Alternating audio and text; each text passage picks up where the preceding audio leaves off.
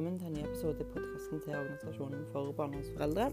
I dag så hører du Merete Løland. Um, ja, i dag Altså, vi har kommet godt inn i året 2021. Det er et år som eh, knytter særlig mye forventninger og spenning eh, til oss barnevernsforeldre, vil jeg påstå. Eh, kanskje et av de mest betydningsfulle årene eh, ja, i min levetid, holdt jeg på å si. Både framover og bakover. Um, vi har en eh, helt ny barnevernlov som uh, er venta i midten av april. det er jo et arbeid som har pågått i mange år. jeg skal gå litt nøyere inn på det seinere. Jeg skal bare rase gjennom disse store prosessene som er venta å skje i 2021. Eh, og litt eh, om ja, media og litt sånn forskjellig. Eh, I tillegg så er det jo stortingsvalg i september. Eh, nærmere bestemt 13. Eh. Eh, det er jo knytta ganske store forventninger til at det skal bli regjeringsskifte. og veldig mange barnevernsforeldre er jo misfornøyd med dagens løsning. Eh, om det blir bedre med en annen regjering, det gjenstår jo å se. Men stort verre enn det nå kan vi vel ikke vente at eh, det skal bli. Um, samtidig så tenker jeg at det, det, er vel ganske stor enighet på Stortinget om at uh, dagens barnevern fungerer ja, nokså bra. Det er jo de som er kritiske, og så er det de systemtro, da, som vi kaller de, som uh, ja, ikke helt klarer å ta inn over seg at barnevernstjenesten ikke fungerer som de skal, tross eh, rapport etter rapport og, ja, som avdekker eh, store eh, fatale eh, svik. Eh, I tillegg har jeg også lyst til å snakke litt om eh, TV-programmet Bak fasaden, som var på lufta for ikke så altfor lenge siden. I tillegg har det òg vært de siste ukene enormt mange artikler i eh, media som handler om eh, barnevernet. Og jeg skal gå litt nøyere inn på det, men jeg har lyst til å starte med eh, ny barnevernlov. Um, det er jo første gang um, siden barnevernloven ble uh, vedtatt, at den skal revideres i sin helhet, i min levetid i hvert fall. Eh, før har det jo vært at det har kommet tillegg. Eh, som f.eks. Altså, siste gang jeg husker, var vel 1.7.2018, når det kom en del eh, ting inn der som skulle styrke rettssikkerheten til barn og foreldre. Eh, men nå er det ikke sånn at vi skal få noen få tillegg i barnevernloven. Den skal fullstendig omstruktureres. Altså både paragrafer og språk og kapittel. Alt skal bli eh, nytt. Um, og dette er jo et arbeid som har og pågått over mange år. Uh, det ble jo satt ned et, um, et barnelov, barnevernlovutvalg uh, som skulle gå gjennom dette her. Og den NOU-en ble jo overlevert um, statsråd Når jeg holde tunga beint i munnen, var det Helleland, tror jeg. I 2016. NOU-en heter i hvert fall 2016-16. Og eh, Organisasjonen for barnevernsforeldre gjorde et eh, grundig arbeid med å eh, sende høringssvar til den. Mm.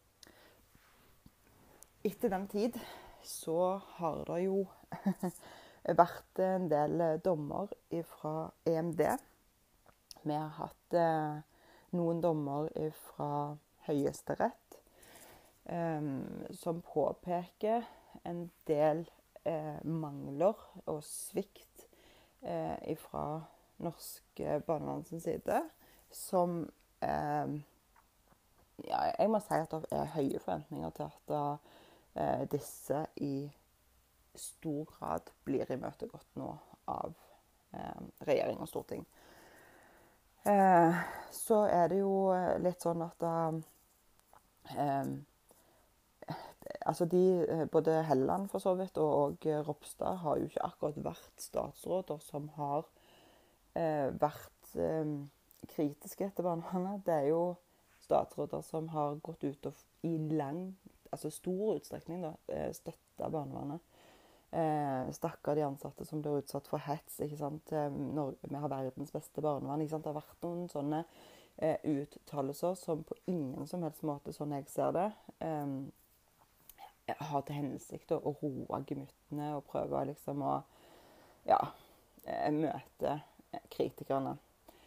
Eh, nå hadde jo i hvert fall Helland et, ja, ikke, et forsøk da, der hun innkalte barnevernskritikerne Du skulle innkalle barnevernskritikerne til en gjennomgang, da. Altså barnevernet sett, bar, barnevernet, Norsk barnevern sett med internasjonale øyne.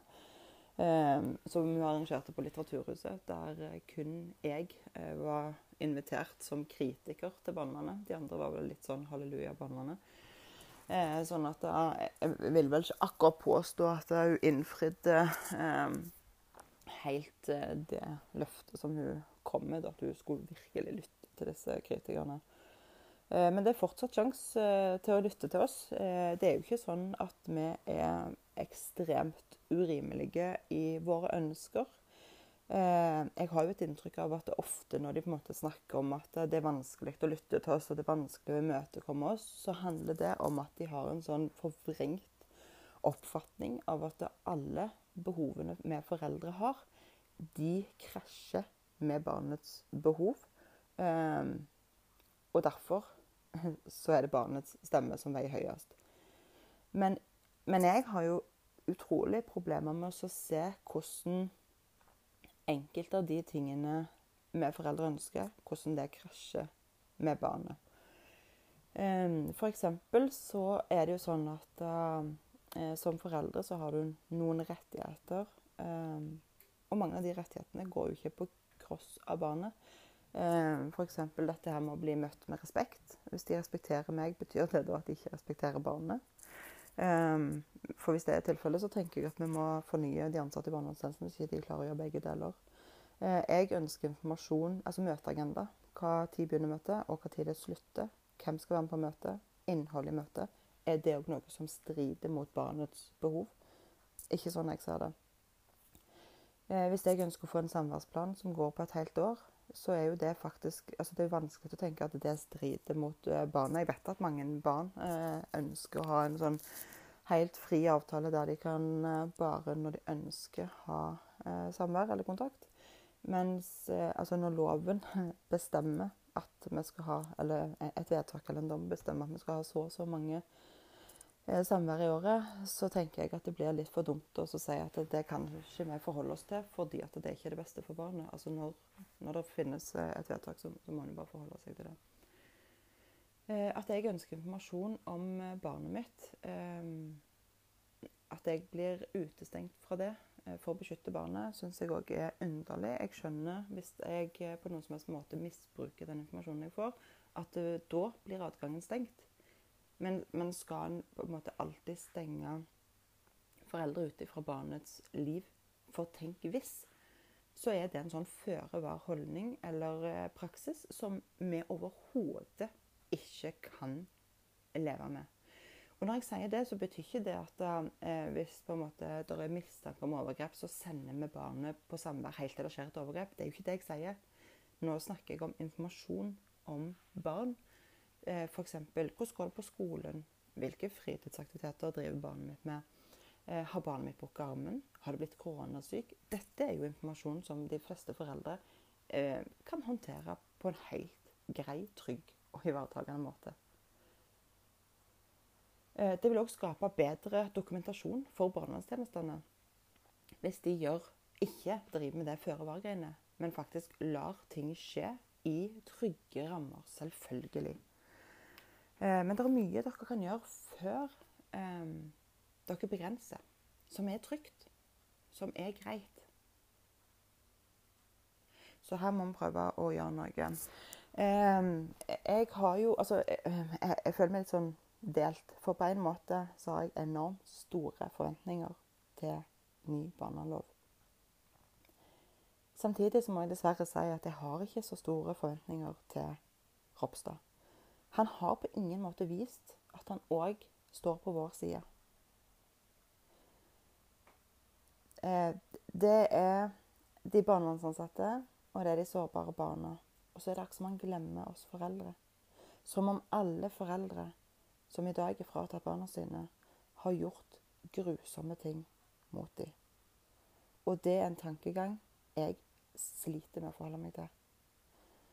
Da finnes de som har gjort utenkelige ting med barna sine, som jeg tenker aldri noensinne skal ha kontakt med ungene sine igjen.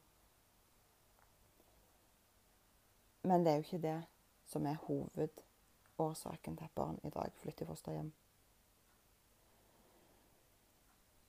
Eh, jeg husker ikke akkurat hvilken barnevernstjeneste det var, men det var en bydel i Oslo som gikk ut i media i, om det var helt på tampen av året i fjor eller om det var i år, det skal være litt usagt, som i hvert fall sa at vi hasteflytter ingen barn uten at det er fare for liv og helse.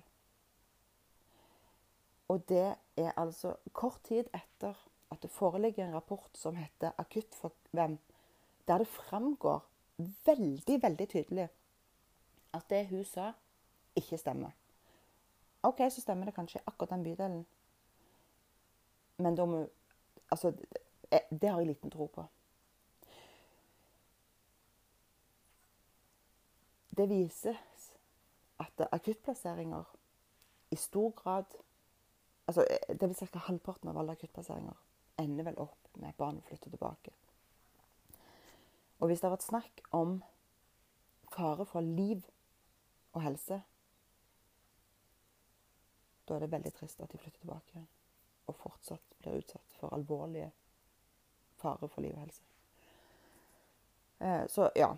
Eh, altså, eh, men det som skjer da, når denne proppen blir lagt fram eh, i vår, er jo at eh, Altså, vi, er jo litt usikre på hvordan eh, tidsforløpet skjer. denne her skal jo sendes da til en komité. Det er vel ikke veldig mye å lure på. Det er vel eh, familiekomiteen på Stortinget som får denne tildelt. Eh, og så er det spennende hvor tid, altså hvordan eh, tidsperspektivet Så blir denne eh, i hu og hast eh, ferdigbehandla i løpet av før sommeren, fordi at Ropstad har behov for å sette et avtrykk. Eller blir han utsatt til etter stortingsvalg og budsjettforhandlinger og alt det der? Eh, så det, er akkurat nå så jobber vi ut med et sånn kjempestort spørsmålstegn der vi er litt usikre på hvordan dette her foregår. Så hvis noen sitter med eh, noe informasjon om denne prosessen som vi har bruk for, så vær så snill og del det. Eh, vi tenker uansett at vi som organisasjon skal opprette ei arbeidsgruppe bestående av noen styremedlemmer og noen medlemmer som da kan bidra til å eh, lese de ulike kapitlene, komme med innspill.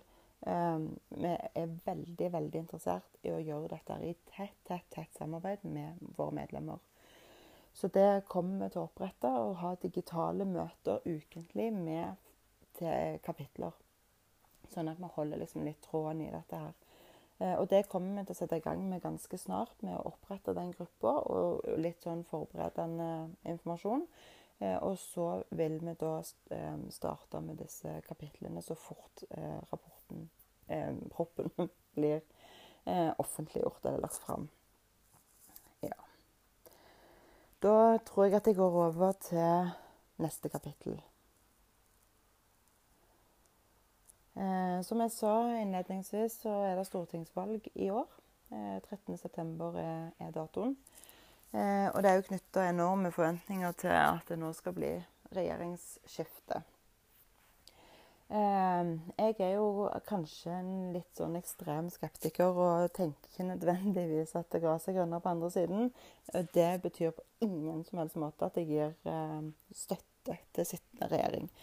Eh, grunnen til at jeg sier det jeg sier, er at uh, jeg opplever vel at Stortinget er nokså enige om uh, barnevernets fungering og eh, hvordan dette skal se ut. Eh, jeg opplever at veldig få av eh, de som i dag er i opposisjon, er ekstremt kritiske til Ropstad eller barnevernet. sånn at da, eh, ja, da tenker jeg at det tyder på at her er de rimelig greit fornøyde, eller har ikke planer om å eh, gjøre store endringer på barnevern.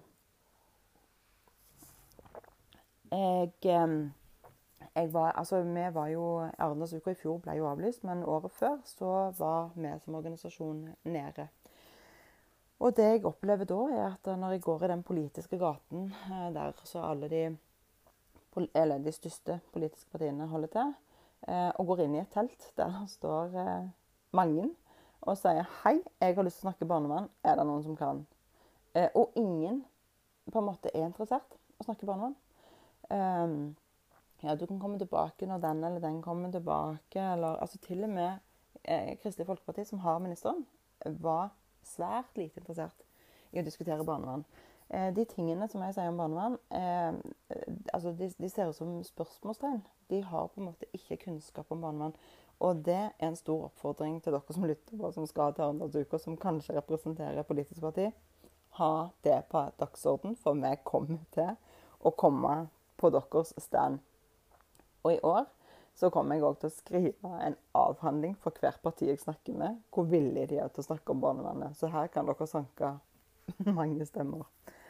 Um, det skuffer meg egentlig hvor lite kunnskap um, den generelle politiker har om barnevern.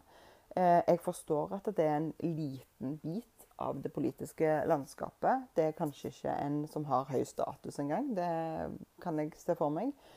Men her snakker vi altså om sårbare barn. Vi snakker om familier. Eh, hvis ikke barnevernet snart får skikkelig troverdighet, tillit i befolkningen, så er jo dette et problem som vil virkelig vokse. Eh, det kan godt hende at eh, eh ja, oppmerksomheten fra utlandet blir større, om ikke den nye barnevernloven nå legger virkelig til rette for å lytte på kritikken som kommer fra MD. Ehm, så her er det jo all mulighet til å gjøre noe virkelig stort. Uh, det er få politiske partier som har et um, ja, et godt, grundig blikk på barnevernet. Det er liksom enkeltstående politikere, men, men uh, få partier som har barnevern som satsingsområde. OK. Um, da tenker jeg at jeg har lyst til å si noe om um, neste tittel, neste tema, som er Bak fasaden. Eh, er eh, et program som eh, jeg har fulgt med nysgjerrighet tidligere. Jeg har egentlig, altså Før den episoden som handler om barnevern, så må jeg si at jeg har hatt Jeg, jeg har vært imponert av arbeidet. Jeg har følt jeg har fått et grundig innblikk i temaet. Um, nå er det jo sånn at de, de, andre temaene har jeg ikke hatt så mye innsyn i. i utgangspunktet, så For de som er spesialister, så kan det jo selvfølgelig tenkes at de tenker at men dette var jo ikke dypdykk i det hele tatt. Men, men, min opplevelse har vært at det har vært dypdykk. Eh, barnevern er et tema jeg kan ekstremt mye om. Jeg har fulgt med det over tid. Og jeg må si med store bokstaver TV 2, dere skuffer. Kan på ingen måte si at dette var et dypdykk i barnevernet. Eh, samtidig vil jeg gi dere honorar for at dere har snakket med eh, noen av de kanskje mest kritiske røstene i landet. Tonje Omdal gjør en fantastisk eh, karakter. Eh, det må jeg absolutt si. Eh, samme til far, eh, Frode Omdal. Dere gjør en kjempejobb. dere fremstilles veldig sympatisk og, og oppegående. Um, så det, det, det, var hyggelig. Uh, når det kommer til de barnevernsansatte, så kan jeg på ingen måte si det samme. Jeg syns de fremstiller dette her på en, en spesiell måte, og jeg håper at de hva skal jeg si, altså møtene etter en sak i fylkesnemnda ikke er så lite kritisk. Altså, ja, flott, kjempebra, du gjorde en enormt altså,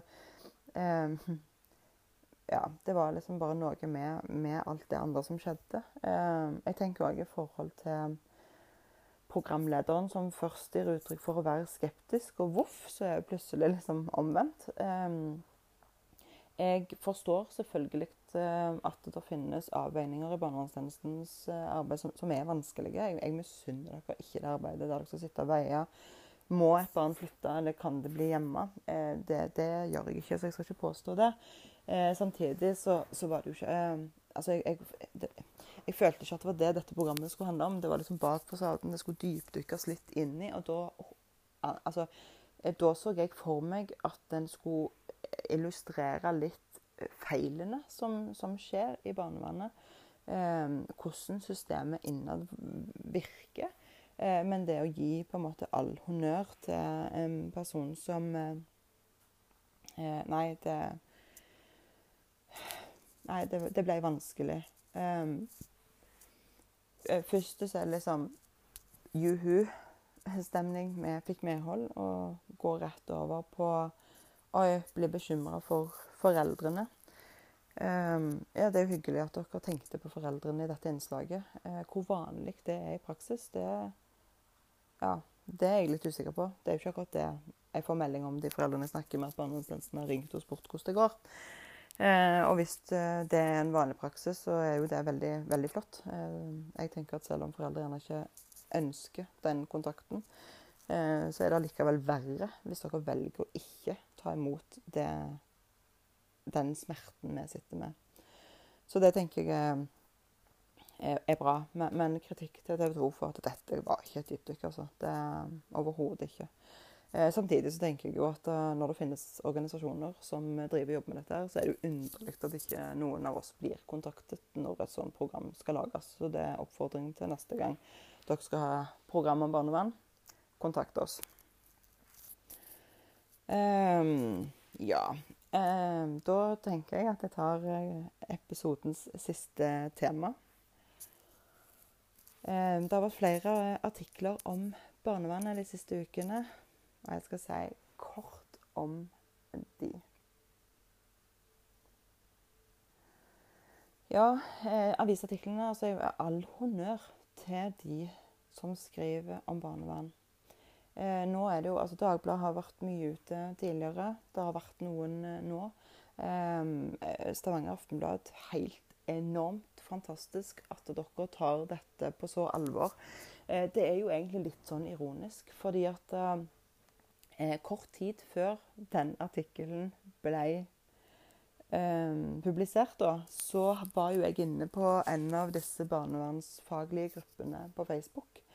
Eh, og stilte et spørsmål som jeg syns var høyst relevant. Fordi jeg opplever ofte at eh, eh, altså barn som havner i, i, fosterhjem, blir jo ofte Altså noen av dem blir jo akuttplassert. Eh,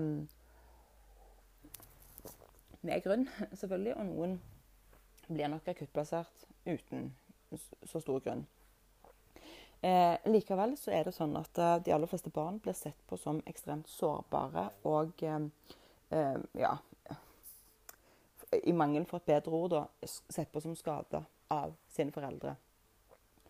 Eh, og da eh, opplever i hvert fall jeg at systemet rundt er veldig opptatt av at foreldrene må erkjenne de faktiske forhold, og de må på en måte bidra til reparasjon av denne relasjonsskaden som barna har blitt påført av foreldrene. Og det er klart at dette er viktig. På den andre siden så hender det jo at barnevernstjenesten, eller ikke bare barnevernstjenesten, men systemet òg driver med maktutøvelse mot barn. Eh, og da, eh, når de da akutt henter barn med politimakt, eh, så oppleves jo det òg traumatiserende for barn. Og da var spørsmålet mitt inne på denne gruppa eh, om barnevernstjenesten skiller på traumer, på ut, traumer eh, skapt av foreldre slash omsorgssituasjonen, eller om det er påført av det offentlige, eller om det er sånn at foreldre får skyld for alt, og at det bare er de tilfellene det er viktig med den erkjennelsen.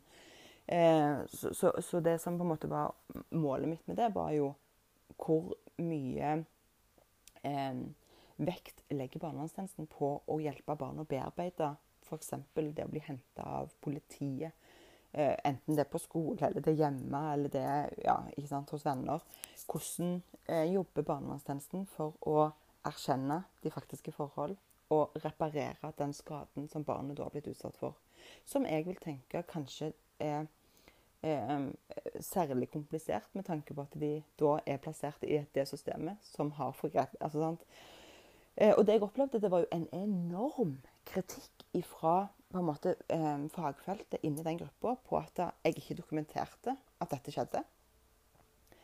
Eh, og, og, ble henvist til en artikkel der barnevernstjenesten, jeg tror var i Bergen, hadde bedt en familie om unnskyldning. Halleluja for den saksbehandler som tok det ansvaret, eller den barnevernstjenesten. Det var en bydel, det Ja. Halleluja. Men når da Aftenbladet rett etterpå forteller at dette skjer med så mange barn Da tenker jeg at noen som jobber i barnevernstjenesten, har stukket hodet i sanden og ikke ville vedkjent seg at dette skjer. Eh, de etterspør på en måte dokumentasjon, og jeg eh, gjennom noen andre poster flere eh, artikler som handler om barn som har blitt henta av politiet. Ti år gammel gutt i Stavanger. Eh, henta med håndjern. Plassert på institusjon. Der han egentlig ikke skulle være, for det var ikke en institusjon som var for tiåringer. Um, og allikevel så er det liksom sånn Ja, men det, dette er enkeltstående historier. Det skjer ikke så ofte. Og så smeller da Stavanger Aftenblad opp jeg, Nå husker jeg ikke i hodet, men, men, de smeller opp med et, eh, med et, enormt antall som viser at dette er utbredt. Ingen har oversikt. Ingen har kontroll. Og allikevel så går de ansatt, eller de inne i denne gruppa til angrep på meg som ikke har dokumentert min påstand. Jeg var klar over at dette skjedde mye, men at det var så mye, det hadde jeg ikke i min villeste fantasi kunne tenkt ut. Og det, det tenker jeg er et stort problem. Når barnevernstjenesten istedenfor å se på det problemet jeg skisserer opp, velger å angripe meg fordi jeg er kritisk til noe, og, og fraskriver seg ansvar med å si ja, men det er politiet, det er politiet, det er politiet. Ja, men hvem er det som har informert politiet om faren dette barnet eller den familien er for de ansatte i barnevernstjenesten? Det, det, er jo ikke politiet som har kommet på det av seg sjøl, i de fleste tilfellene, vil jeg tro. Dette er jo informasjon de har fått fra barnevernstjenesten. Og sånn som jeg har forstått det, så har jo politiet bistandsplikt. Det vil altså si De kan ikke si at dette er et oppdrag vi ikke kan ta på oss. Det er ikke fare. De må. Sånn at det her her er det noen barnevernsansatte som må ta seg selv i nakken og finne ut at dette her er et problem. Og dersom det er helt nødvendig å hente barn med håndjern, ja, da håper jeg at dere er i stand til å reparere den skaden på lik linje som dere forventer at foreldre skal ta inn over seg sine feil og mangler og reparere skaden. For er ikke skaden like stor, uavhengig av hvem som har gjort det? Selvfølgelig er det mer alvorlig kanskje når det er omsorgspersoner som gjør det. For det er jo på en måte, det, det, vi skal jo beskytte barna mot alt det vonde som skjer, kan skje. Men det offentlige skal jo etter de har henta dette barnet så brutalt, skal jo ha omsorgen for det barnet. Og hvor vanskelig kan ikke det være hvis tilliten er brutt? For det offentlige har forgrepet seg på barnet med å hente det i håndjern. Det er et ansvar dere i barnevernstjenesten må ta på største alvor. Og det syns jeg ikke dere har gjort. Så da tenker jeg at vi avslutter for i dag. Um, og så må dere ha det riktig godt. Og jeg håper at noe av det som jeg har sagt noe om i dag, har vært nyttig. Jeg håper dere har lyst til å bidra til eh, arbeidet med barnevernlov. Eh, jeg håper virkelig at uh, dette her kan være av interesse. Og hvis det er det, så kan dere oppsøke meg på Facebook, og så skal jeg legge dere til i medlemsgruppa vår. Nå er det jo mulig for eh, alle barnevernsforeldre å være medlem hos oss kostnadsfritt. Eh, det vil jo selvfølgelig medføre noen begrensninger i eh, hva dere får tilgang til. Men uansett så får dere da tilgang til medlemsgruppa vår, som i dag består av litt over 150 foreldre. Som stadig er i vekst. Så her er det bare å hive seg rundt og oppsøke Merete Løland på Facebook. Og så skal jeg legge dere inn i, i gruppene. Hvis dere har noen spørsmål, så kan dere kontakte meg på mail, f.eks. leder.barndomsforeldrene.no. Eller sende meg en melding på Messenger, så er jeg åpen for å diskutere. Komme med innspill. Og det gjelder for så vidt de som jobber i barnevernstjenesten. Det gjelder eh, barnevernsforeldre, systemet for øvrig. Vi er åpne for uh, kritikk. det hender jo at jeg, blir, at jeg, blir, kritisert for det jeg eh, sier og gjør, og jeg tenker at det er på den måten vi rett og slett utvikler oss. Det er jo når noen kritiserer oss så det, det, setter jeg veldig pris på. Så det er bare å eh, ja, gi beskjed hvis det er noe dere tenker ikke er helt greit.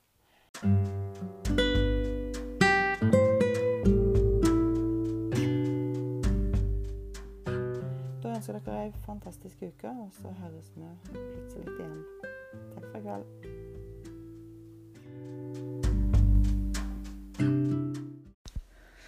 Hei og hjertelig velkommen til en ny episode i podkasten til Organisasjonen for barnevernsforeldre.